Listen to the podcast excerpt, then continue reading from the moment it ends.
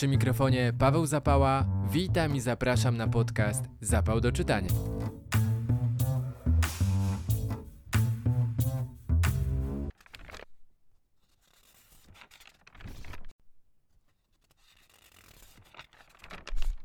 Dwudziesty drugi odcinek podcastu będzie Wam się dwoił w uszach, a wszystko przez dwa teksty prasowe, dwie rozmowy i dwie gościnie z Krakowa. Wpierw do posłuchania rozmowa z Moniką Ochendowską o wolności czytania, czyli specjalnym wakacyjnym wydaniu Tygodnika Powszechnego, a później kroi się niezła podróż. Gościnią podcastu jest bowiem Aleksandra Wojtaszek, autorka książki Fiaka Sezon na Chorwację. Zapalamy się do czytania i startujemy.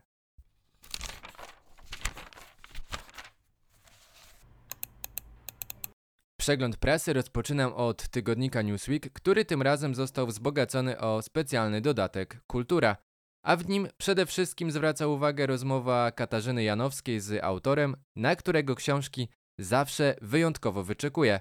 Podobnie zresztą jak na wywiady z nim. Mowa o Wiesławie Myśliwskim.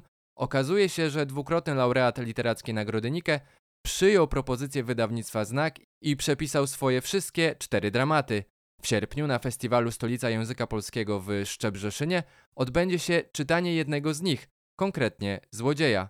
A propos tego dramatu, Myśliwski wspomina: Często był grany w Polsce i, co obecnie nie jest pewnie dobrze widziane, miał około 300 przedstawień w Związku Radzieckim w latach 70. w Moskwie, a już po rozpadzie ZSRR w 2002 roku był wystawiany przez jeden z najlepszych teatrów w Sankt Petersburgu.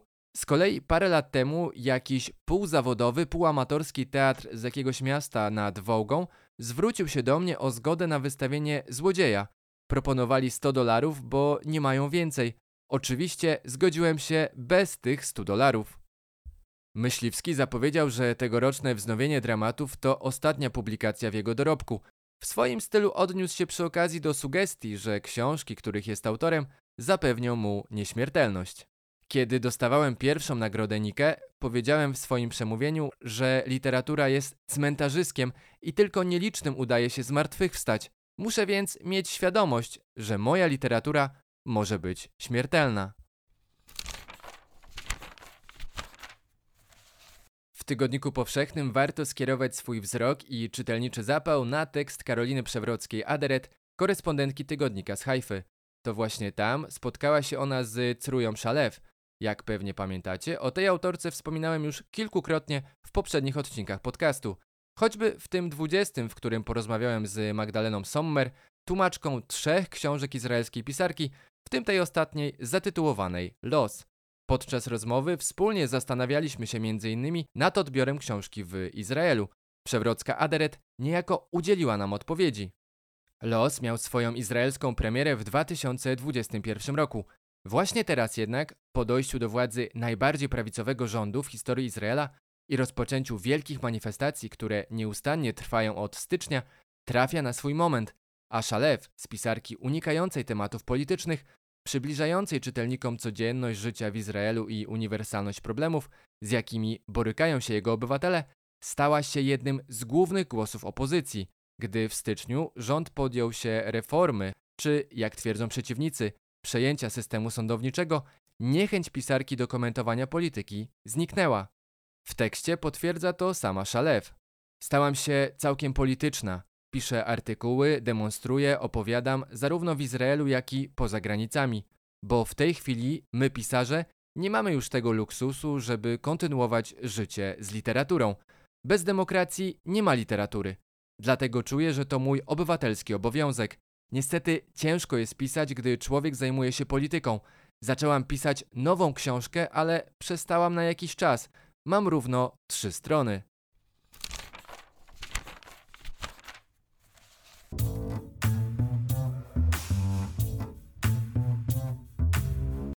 Gościnią podcastu Zapał do czytania jest Monika Ochendowska, krytyczka literacka, redaktorka Tygodnika Powszechnego. Witam serdecznie. Cześć. Jesteś współodpowiedzialna za wolność czytania, czyli drugi tegoroczny specjalny numer Tygodnika Powszechnego. Jak napisałaś e, na swoim Instagramie, to numer z najlepszymi rozmowami o literaturze, pamięci, przeszłości i w ogóle życiu. Czy selekcja tych rozmów, które ukazywały się przecież na przestrzeni ostatnich lat w Tygodniku Powszechnym, była tak zwanym problemem bogactwa? Długo debatowaliście w redakcji nad wyborem tych konkretnych rozmów? To jest w ogóle zawsze, może nie problem, ale, ale wyzwanie, kiedy powstaje wydanie specjalne, a one są już właściwie przez nas przygotowywane od kilku lat, e, kiedy chyba w 2000 2015 roku, o ile dobrze pamiętam, y, ukazały się, ukazały się pierwsze takie wydania, zresztą właśnie poświęcone y, również rozmowom, wtedy pod, wtedy pod taką zbiorczą nazwą Kanon.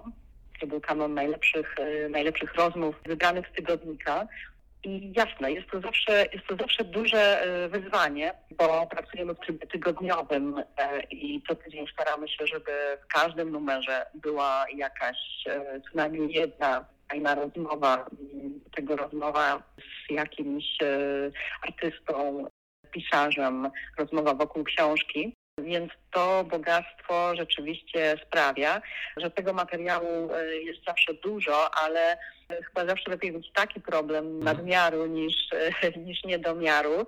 Wyzwaniem jest też potem poukładanie sobie tego wszystkiego w zupełnie nowy sposób, bo, bo jak pracujemy nad wydaniem takim tygodniowym, które w papierze to, to zupełnie odróżnia od wydania internetowego, że wydanie papierowe ma taki swój rytm.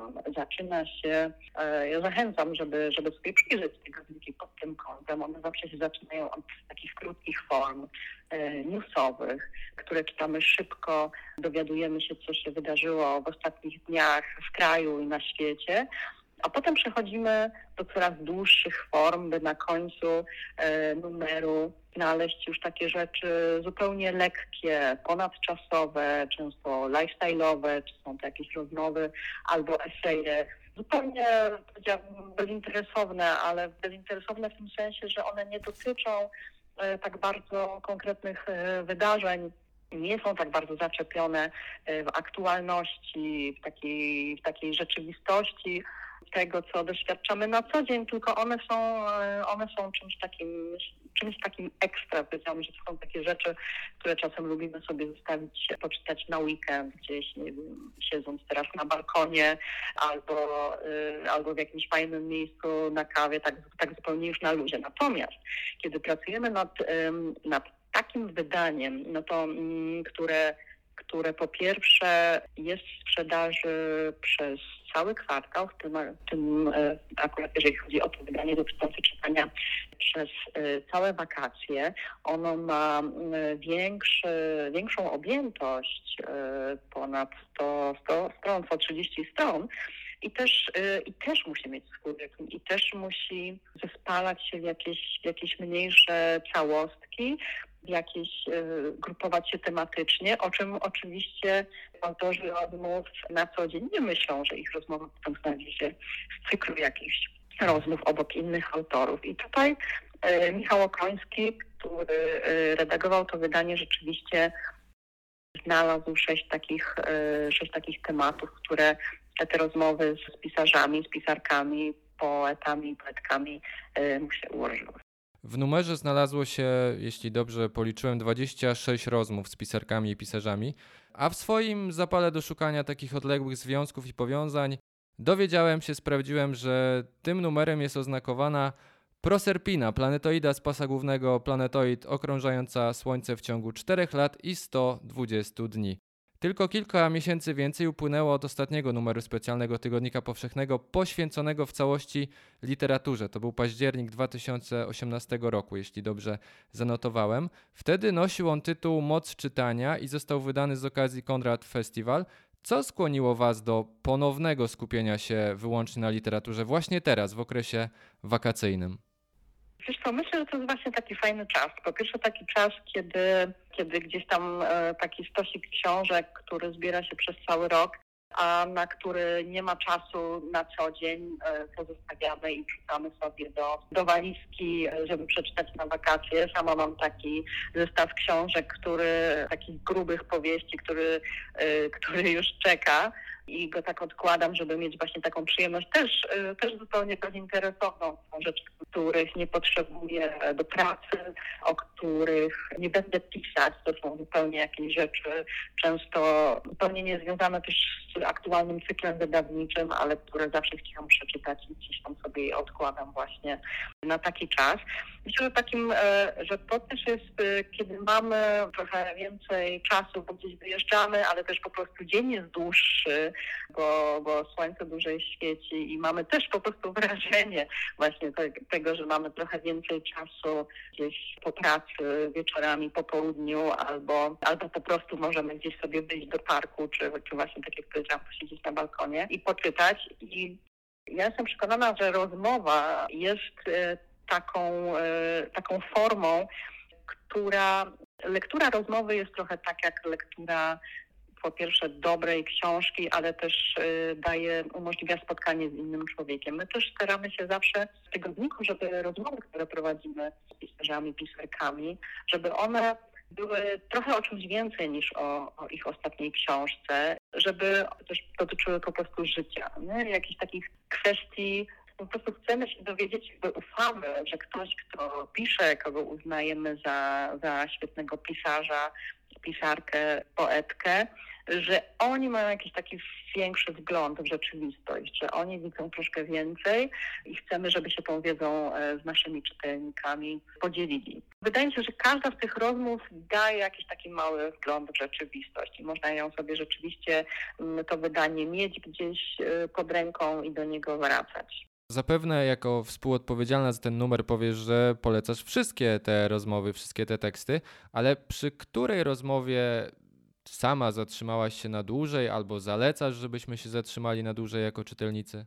Może być kilka takich rozmów. Dobrze, pewnie. Y, bardzo lubię rozmowy y, Uli Homet, która jest y, poetką i pisarką i sama w swojej literaturze dba o to, żeby używać bardzo oszczędnie słów i czytając książki da się wyczuć. Zresztą to jest widoczne u wielu poetów, którzy, którzy potem przychodzą do prozy, że są bardzo oszczędni i, i bardzo rygorystyczni w doborze słów.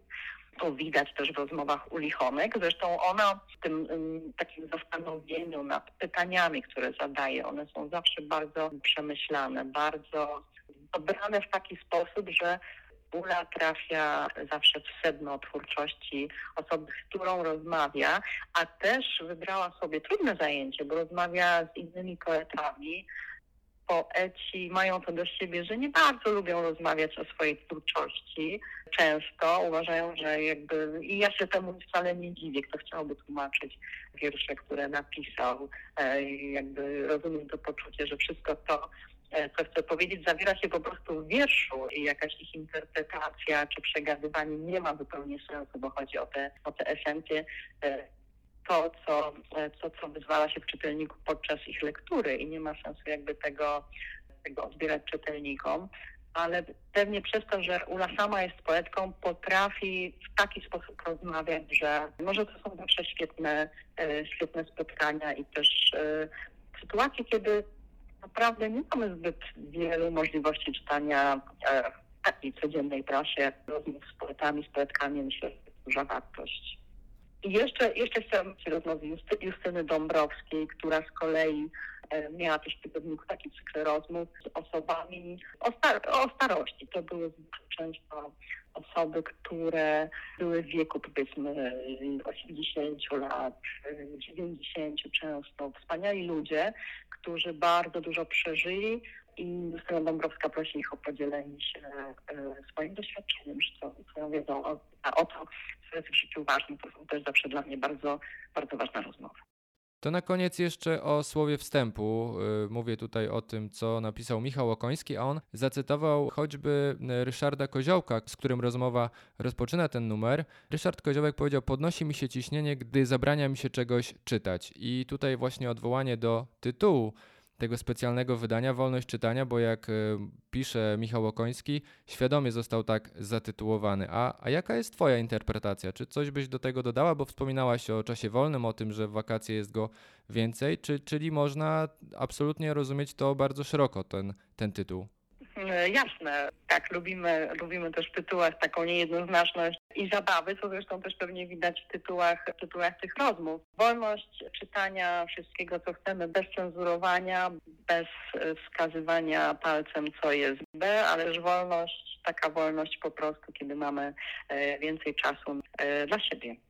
A Twoim zdaniem ta wolność w jakiś sposób jest zagrożona? Nawet nie chodzi mi przez jakąś cenzurę współczesną, ale choćby przez to, jak media społecznościowe kreują niektóre tytuły, czy, czy autorów, czy, czy w ogóle to, co, co powinno się czytać, bo, bo ta polityka jednak czasami zbyt mocno wchodzi do literatury. Wiesz, to dla mnie ostatnim takim przykładem, no właśnie może nie cenzurowania, ale takiego zamykania się na pewne, na pewne tytuły czy gatunki była dyskusja wokół książek Weroniki Marczak i tego, czy ta popularność książek jest ciekawym zjawiskiem, dobrym zjawiskiem, czy raczej powinniśmy zabraniać nastolatkom e, czytania powieści, dlatego że wartości, które wyznaje bohaterka, czy w domniemaniu autorka są sprzeczne z tymi, które chcielibyśmy, by były bliskie młodzieży. Więc ja stoję na stanowisku, że czytelnicy, czytelniczki potrafią myśleć samodzielnie,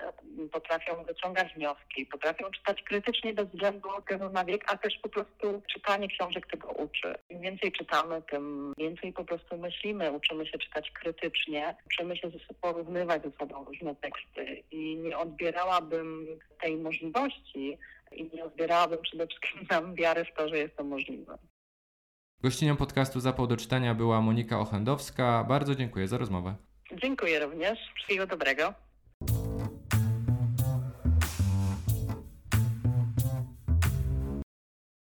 Sezon urlopowy w pełni, a zapewne jednym z najczęściej wybieranych i promowanych kierunków jest Chorwacja.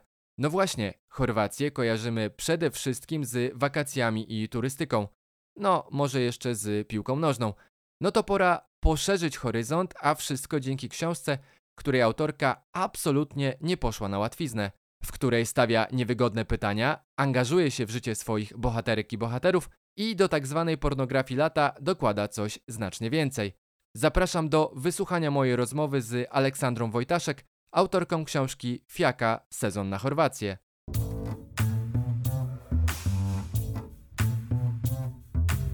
Gościnią podcastu Zapał do czytania jest Aleksandra Wojtaszek, autorka książki Fiaka, sezon na Chorwację. Witam serdecznie. Dzień dobry, cześć. Nawiązując do podtytułu Twojej książki, nieprzypadkowo miała ona premierę w maju, dokładnie 17 maja. To mniej więcej od tego momentu, nawet w sumie wcześniej, rozpoczyna się taki, no właśnie, turystyczny sezon na Chorwację. W Twoim przypadku sezon na Chorwację trwa już jednak e, zdecydowanie dłużej. To właściwie już kilkadziesiąt, kilkanaście, kilkadziesiąt sezonów i to trwających praktycznie cały rok. Jesteś z wykształcenia bałkanistką, ale kiedy Chorwacja po raz pierwszy pojawiła się w Twoim życiu? No, nie pojawiła się szczerze mówiąc wcześniej, przed studiami. To znaczy, byłam raz w Chorwacji z rodzicami w, w, jakichś, w latach licealnych, ale szczerze mówiąc, to nie było tak, że zapałam do Chorwacji jakąś wielką miłością. Mhm. Pojechałam, podobały mi się, byliśmy tam przez tydzień pewnie albo 10 dni. Oczywiście było ładnie, gorąco, ale jakoś, jakoś ta Chorwacja mnie zawróciła wtedy w głowie.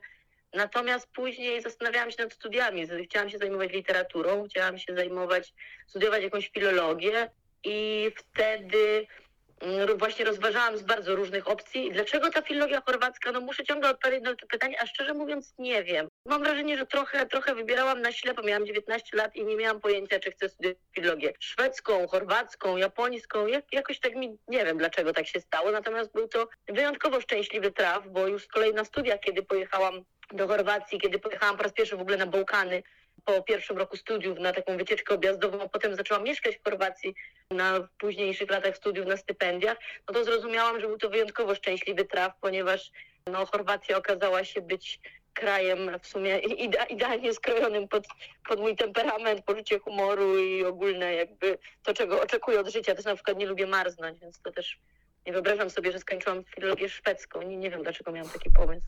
O Chorwacji i w Chorwacji w sumie robi się głośno właśnie w okolicach wakacji. Wyjątkiem był grudzień zeszłego roku, a to akurat z powodu sukcesu reprezentacji Chorwacji na mundialu w Katarze. Nie da się jednak ukryć, że dla większości Chorwacja równa się właśnie turystyka, równa się wakacje. Zresztą gospodarka tego kraju, o czym piszesz, została ewidentnie ustawiona pod właśnie ten sektor. Czy twoim takim pierwszym założeniem w momencie pisania książki, w momencie pomysłu na tę książkę było, żeby pokazać przede wszystkim to, co dzieje się poza sezonem, a jeśli już w sezonie, to, to poza tymi turystycznymi miejscami? Czy, czy miałaś coś takiego, że cały czas starałaś się unikać, żeby ktoś wziął tę książkę za przewodnik na przykład po Chorwacji? Tak, tak, było dla mnie dość oczywiste, że nie piszę przewodnika. Jakby założenie było takie, że to będą reportaże właściwie skrzyżowane nieco z esejami, chociaż wtedy nie wiedziałam jeszcze, że, że ukażą się w serii Sulina, którą, którą bardzo lubię. Ale nie, nie, nie planowałam pisać przewodnika, bo uważam, że takich publikacji jest wystarczająco. Jeśli ktoś chce zobaczyć, gdzie w Chorwacji są dobre plaże, piękne plaże albo smaczne jedzenie, albo zabytki nawet, to może te takie informacje bez problemu znaleźć albo w przewodniku papierowym, albo zresztą w internecie, na blogach. Nie jest to jakieś dzisiaj specjalnie trudne.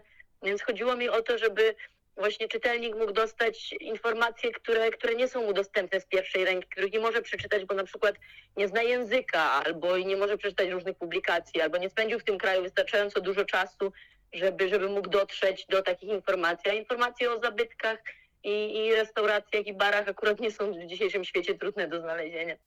Jeden z twoich bohaterów, Tomislav, mówi tak: y, My, Chorwaci, jesteśmy świetnymi sługami, ale beznadziejnymi gospodarzami. Jesteśmy do bólu leniwi, chyba że wyjedziemy pracować do Niemiec, wtedy zapieprzamy. Ale u siebie nie ma opcji. Kawka, papierosek, nikt nic nie robi. I w tym miejscu warto przywołać jedno słowo, zresztą będące tytułem twojej książki, czyli fiaka, czy, czym ona jest i, i czy faktycznie jest to Twoim zdaniem trafne określenie w przypadku właśnie mówienia o Chorwatach i Chorwatkach? Znaczy, ta, ta, ta sytuacja z Tomisławem była, była dość zabawna, ponieważ to w ogóle był pierwszy rozdział książki. On teraz nie, nie jest na pierwszym miejscu, mhm. ale to była, co ciekawe, o tej fiacie jako pierwszej napisałam, a dopiero potem się długo zastanawiałam nad tytułem i ta fiaka do mnie wróciła. Natomiast ta sytuacja z Tomisławem była to, to, to Tomislav cały czas próbował zrobić też na mnie wrażenie, o czym nie, nie, nie omieszkam wspomnieć, że on cały czas jakby, jego narracja się tak rwie, raz, raz chwali, raz raz mówi, że nikt nie pracuje, podczas gdy w rzeczywistości tam na przykład kobiety cały czas pracują.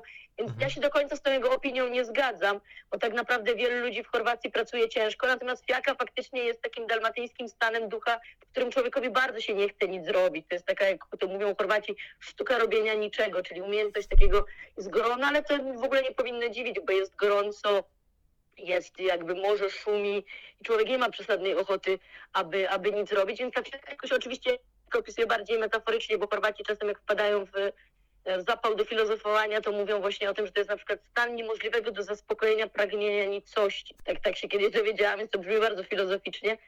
Ale to słowo wydało mi się w jakiś sposób dość przewrotne, więc też w jakiś sposób opisujące te, tę przewrotność tej chorwackiej kultury, która wydaje się, się jedzie tam często na, na, na, na te dwa tygodnie w środku lata, to wydaje się właśnie taka zanurzona w tej w tym lenistwie, w tej powolności, w cieszeniu się życiem, a w rzeczywistości pod tą warstwą właśnie turystycznej, turystyczną czy pod, pod warstwą tej maski ze względu na wiele problemów społecznych, gospodarczych. W rzeczywistości to słodkie lenistwo wcale takie, takie słodkie nie jest. Już po lekturze kilkudziesięciu stron zorientowałem się, że Chorwacja to, to kraj pełen sprzeczności, pełen autostereotypów, o, o czym wspomniałaś, y, w którym regionalizm na przykład nie wyklucza wcale nacjonalizmu, w którym fakty dotyczące choćby pochodzenia Chorwatów są podporządkowane obecnie panującej narracji politycznej. Czy stykając się z tymi sprzecznościami, czułaś się bardziej przytłoczona, czy zafascynowana nimi, że, że będziesz mogła pokazać tak różnorodne oblicze tego kraju? Mnie w Chorwacji zawsze to fascynowało. E, fascynowała mnie właśnie ta to te przyciągające się przeciwieństwa i te jakby wymykające się proste, komplikujące się cały czas obrazki. To też było dla mnie wielką, dostarczyło mi dużo radości podczas pisania książki, bo wydawało mi się, jak zaczynałam książkę pisać, że już sporo o Chorwacji wiem, że już tam mieszkałam przez lata, że już byłam po doktoracie z literatury chorwackiej, więc myślałam, że, że, że niewiele rzeczy mnie zaskoczy, a mimo to podczas pisania książki tak wiele rzeczy mnie zaskoczyło i tak zdarzało mi się, że musiałam w jedno miejsce wracać po kilka razy albo do rozmówców wracać, żeby jeszcze raz, jeszcze głębiej, więc e, tak, tak, Chorwacja nie jest oczywista i to, co się dostaje często na na pierwszy rzut, to co jest nam rzucane tak jakby na ten talerz, powiedzmy, to, to, to okazuje się w rzeczywistości często dużo bardziej skomplikowane i bardzo mi zależało, żeby uniknąć takiej, żeby, żeby nie wziąć tego, co mi zostaje pokazane, ale też nie, nie wpaść na takie proste, jakieś takie proste stereotypy, proste pułapki. Tak jest z całymi Bałkanami, chociaż jak piszę w książce Chorwacja bardzo nie chcę być Bałkanami, ale no powiedzmy, że z innymi państwami byłej Jugosławii tak zazwyczaj jest, przy czym też nie zgadzam się do końca z tym stereotypem, że jest jakoś region wybitnie skomplikowany albo nie wiem, jakiś, jakimś, jest jakimś bałkańskim kotłem, to w ogóle jak to słyszę, to, to, to, to mi się skóra jeży na głowie, bo to oczywiście jest taki kolonialny stereotyp bałkanizujący, natomiast faktycznie jest to region bardzo wielokulturowy, bardzo zróżnicowany i często to, co na pierwszy rzut oka widzimy, nie, niekoniecznie okazuje się być, być takie proste. W wielu miejscach Twoja książka zbliża się, mam wrażenie, do, do takiego reportażu wcieleniowego. Bierzesz aktywny udział w życiu swoich bohaterów, często przyjaciół. Opłacasz na przykład roczną składkę na rzecz klubu piłkarskiego Hajduk Split, żeby, żeby móc wybrać się na jego mecz. Bez kapoka bierzesz udział w nocnym połowie kalmarów z jednym ze swoich bohaterów. I jak piszesz zresztą w tym miejscu, zanotowałem to sobie, doświadczenie jest mi niezbędne do zrozumienia wyspiarskiej duszy i trudów życia na kamienistym wybrzeżu. Czy taki styl reporterski narzuciłaś sobie od początku, czy dopiero kształtował się w trakcie zbierania materiału? Ja go właściwie sobie nie narzucałam, bo on wynika dość bezpośrednio z faktu z samego tego, jaka ja jestem, jaki ja mam charakter. Nie jestem w stanie obserwować z boku. Ta, ta perspektywa tylko obserwującego. Oczywiście, że mogę się zdystansować, zwłaszcza od kwestii związanych z polityką, historią, bo, bo nie jestem Chorwatką, bo one mnie tak dokładnie nie dotyczą. Ale przez to, że przez wiele lat mieszkałam w Chorwacji, ona stała się dla mnie, stała mi się bardzo bliska, że duża część ludzi właśnie, których gdzieś tam się przewijają na karcie, to, to, to na przykład są też moi przyjaciele, no to ja nie, ale ja też nie potrafię po prostu stać z boku, ja się muszę zaangażować. Mnie się wydaje, że opisywanie świata tak Oczywiście są reporterzy, którzy robią to świetnie i zawsze to robią z dystansu, ale ja sobie nie wyobrażałam, że na przykład napiszę cały rozdział o Hajduku i nie pójdę nigdy na mecz, mhm. albo i to jeszcze na, na, na, na północną trybunę. Ja tak działam, ja muszę dotknąć, spróbować. Myślę, że to jest też kwestia mojego temperamentu, który w sumie dość pasuje do, też do kraju, który opisuję, który, w którym ten, ten rodzaj temperamentu jest uważany za coś dość oczywistego. A ta bezpośredniość częściej otwierała ci drzwi do Chorwatów, do, do bohaterów, do których chciałaś dotrzeć? Czy były przypadki, że na przykład ktoś e, stwierdził, że nie, nie, nie, ty jesteś z Polski i my, my pewnych rzeczy ci nie powiemy? No ja mam jakoś tak to szczęście, że dzięki, dzięki, dzięki językowi, który, w którym w dodatku umiem zmieniać, nauczyłam się w pewnym momencie, jak przyjechałam na studia do Zagrzebia z Polski, gdzie uczyłam się bardzo akademickiego, takiego poprawnego, standardowego języka. Przyjechałam i okazało się, że to nie do końca tak wygląda. To błyskawicznie nauczyłam się też kolokwializmu i tak dalej, więc umiem zmieniać rejestry językowe, co powoduje, że bardzo często słyszę szybko po, po, po, po kilku zdaniach, a ty si nasza jesteś mhm, nasza, nie? Mam, no ja mam też taki właśnie rodzaj temperamentu, bardzo jakby macham rękami, mówię głośno, mówię po tym chorwacku szybko. No nie stronię też, jeśli na, istnieje taka potrzeba, to od wina albo raki, więc to wszystko sprawia, że jakoś tak dość łatwo zazwyczaj mi, mi, mi idzie. Powiedziałabym nawet, nie, nie, nie, że nie widać mnie w tłumie, jakby nikt się tak bardzo, oczywiście na początku tak, tak, jesteś Polką, a po, ale potem jakoś to się szybko o tym zapomina, chociaż czasem z kolei moja polska perspektywa była cenna, bo, bo z kolei bohaterowie chcieli mi bardzo coś wytłumaczyć. Jeśli mieli jakieś poglądy, nie wiem, na przykład kontrowersyjne też, to bardzo chcieli mnie przekonać do tych swoich poglądów, żebym ja w tej Polsce jakoś, żebym ja jako Polka zrozumiała ich punkt widzenia. Gdyby to może, gdybym była Chorwatką, to być może zobaczyliby od razu, kto ma jakie ustawienie ideologiczne i nie chcieliby dłużej rozmawiać. Na przykład ludzie, którzy, którzy mają bardzo odmienne poglądy od moich. Dzięki temu, że że, że jestem z Polski, to też jakby ludzie chętniej chcieli mi opowiedzieć o tym, czego doświadczyli. Darda, kolejna z Twoich bohaterek, mówi z kolei: Chorwacja to najpiękniejszy kraj na świecie, w którym tylko politykom i złodziejom dobrze się żyje. Wielu Chorwatów, w tym Twoich znajomych, traci również cierpliwość do turystów, przez, przez których nierzadko muszą zmieniać miejsce zamieszkania czy, czy pracę. Popularność Chorwacji, jak to często bywa w przypadku boomu na, na kraje, na turystyczne kraje, najmniej pozytywnego przynosi właśnie zwykłym szarym mieszkańcom. Czy Twoim zdaniem to będzie się pogłębiało? Czy, czy politycy dalej będą ślepo wierzyć w turystykę jako jedyny sensowny sektor wart promowania i finansowania? Czy już widać, że ta niecierpliwość jest wśród Chorwatów, przeszła jakąś granicę? W pewnym sensie jakąś granicę, bo Chorwaci zagłosowali nogami, jak to często bywa w takiej sytuacji, czyli po prostu wyjechali. Masowo młodzi ludzie wyjeżdżają z Chorwacji. Od wstąpienia Chorwacji do Unii Europejskiej kilkaset tysięcy Chorwatów wyjechało. To jest bardzo mały przecież kraj, więc to jest ogromna liczba, którą czasem widać nawet, bo ja pamiętam te pierwsze lata po wstąpieniu do Unii, to czasem jak przyjeżdżałam, to widać było, że na przykład, nie wiem, wszyscy kelnerzy w jakimś tam knajpce są nowi, bo trzęsą się ręce, jak robią kawę, więc jakby to, to, to, to, to było faktycznie widać. Natomiast ty wspominasz o Dziurdzi i dobrze, że, dobrze, że o niej wspominasz, bo tu właściwie leży cały korzeń e, tych, tych wszystkich problemów, które również przenoszą się na patologie związane z turystyką. Czyli to jest charakter tego, jak wyglądała w Chorwacji transformacja ustrojowa, jak wyglądała prywatyzacja ta prywatyzacja była, umówmy się, często dość, no jak to Dziurdzia mówiła, to wprost złodziejska. Natomiast y, możemy mówić, że jakby była to gwałtowna prywatyzacja, która często bardzo powodowała, że fabryki, zakłady przechodziły do rąk e, ludzi, którzy byli w jakiś sposób na przykład związani z nową władzą albo jakimiś szemranymi biznesmenami. Te fabryki upadały, ludzie tracili pracę. Właściwie Chorwacja została pozbawiona przemysłu, który za czasów Jugosławii dość prężnie, dość prężnie działał. No więc w efekcie okazało się, że jedyne co Chorwatom zostało to turystyka, to po prostu czysta przestrzeń, to sprzedawanie widoku i na morze. Natomiast tak, z tego korzystają oczywiście, nie, nie wszyscy z tego korzystają i korzystają z tego przede wszystkim ci, którzy są najbogatsi i to się będzie tak pogłębiało, tym bardziej, że Chorwacja coraz bardziej idzie w taką turystykę dla ludzi jednak zasobniejszym portfelem, żeby dzięki temu móc dalej maksymalizować zyski, ponieważ już się więcej nie da wcisnąć osób na wybrzeże to nie można bić kolejnych rekordów w nieskończoność, to, to, to stawia się na coraz bardziej luksusową turystykę, ale czy, czy, tym, czy będą na tym jeszcze bardziej korzystać właśnie nie tylko sami Chorwaci, ale też obcy inwestorzy z, nie wiem, Turcji, Rosji, Ameryki i tak dalej, więc yy, myślę, że tak. Korzenie tego, tak jak wiele, wielu problemów, które opisuję w tej książce, to są lata 90. Lata 90. w tej książce są trochę takim duchem, który, o którym może nie, nie, nie piszę tak często bezpośrednio, ale który się cały czas gdzieś unosi i cały czas powraca. Więc ten rozpad państwa w 91, potem wojna, ale też właśnie prywatyzacja, transformacja, to, to, to są te tematy, które właściwie mają największy wpływ na to, o czym piszę w kontekście współczesnej Chorwacji.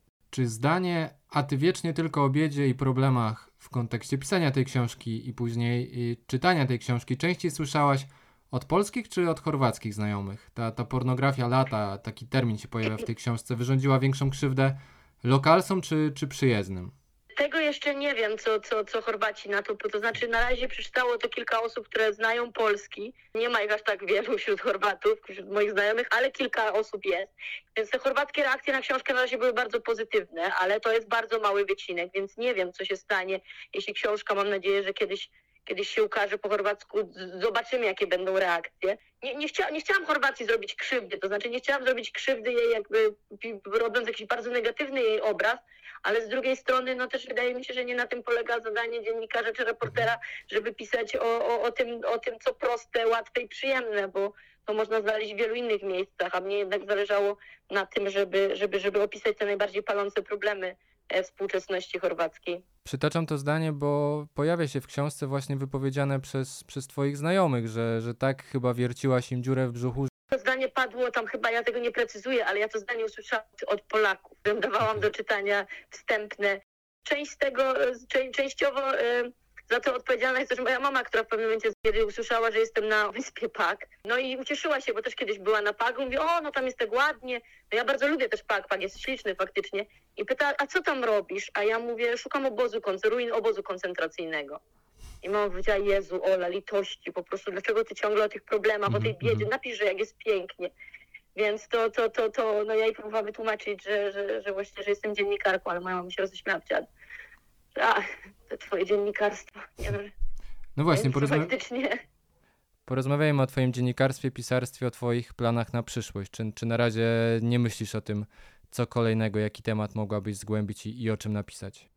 No muszę przyznać, że ponieważ moja współpraca z wydawnictwem Czarne ułożyła się wyjątkowo, wyjątkowo korzystnie chyba dla, mam nadzieję, dla obu stron i, i była wy, jakoś wyjątkowo też przyjemna, no to są, są, są kolejne plany na to, żeby pisać książkę o regionie, o kolejnym kraju z regionu, ponieważ no, jakby Chorwacja jest faktycznie mi najbliższa, ale no, wielokrotnie jeździłam też, też do innych krajów Jugosławii, znam język i tak dalej, więc na pewno A może E, zdradzić pewno- jaki to kraj? Czy jeszcze nie podjęłaś decyzji? bo ja już podjęłam decyzję, tylko nie wiem, czy mi wolno zdradzać. Aha. Ale okej. chyba może wolno, może wydawnictwo czarne się nie obrazi. Jak dotąd nie zdradzałam tego publicznie, ale może się nie obrazi. Są plany, żeby, żeby pisać o Czarnogórze, więc taki jest pomysł. Natomiast no ja oprócz tego, że, że piszę i że mi to sprawia wielką przyjemność, to to pracuję też na uczelni, więc muszę też zajmować się tekstami zupełnie innymi, tekstami naukowymi. Także nie wiem, jak szybko ta praca pójdzie, dlatego też te zapowiedzi na razie są być może dość daleko odsunięte w czasie. Gościnią podcastu Zapał do czytania była Aleksandra Wojtaszek, autorka książki Fiaka, sezon na Chorwację. Chwala wam puno. Chwala lepa.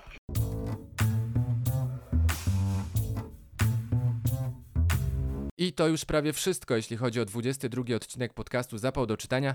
Zapraszam do śledzenia mojego profilu w mediach społecznościowych. Zapał znajdziecie zarówno na Facebooku, jak i Instagramie.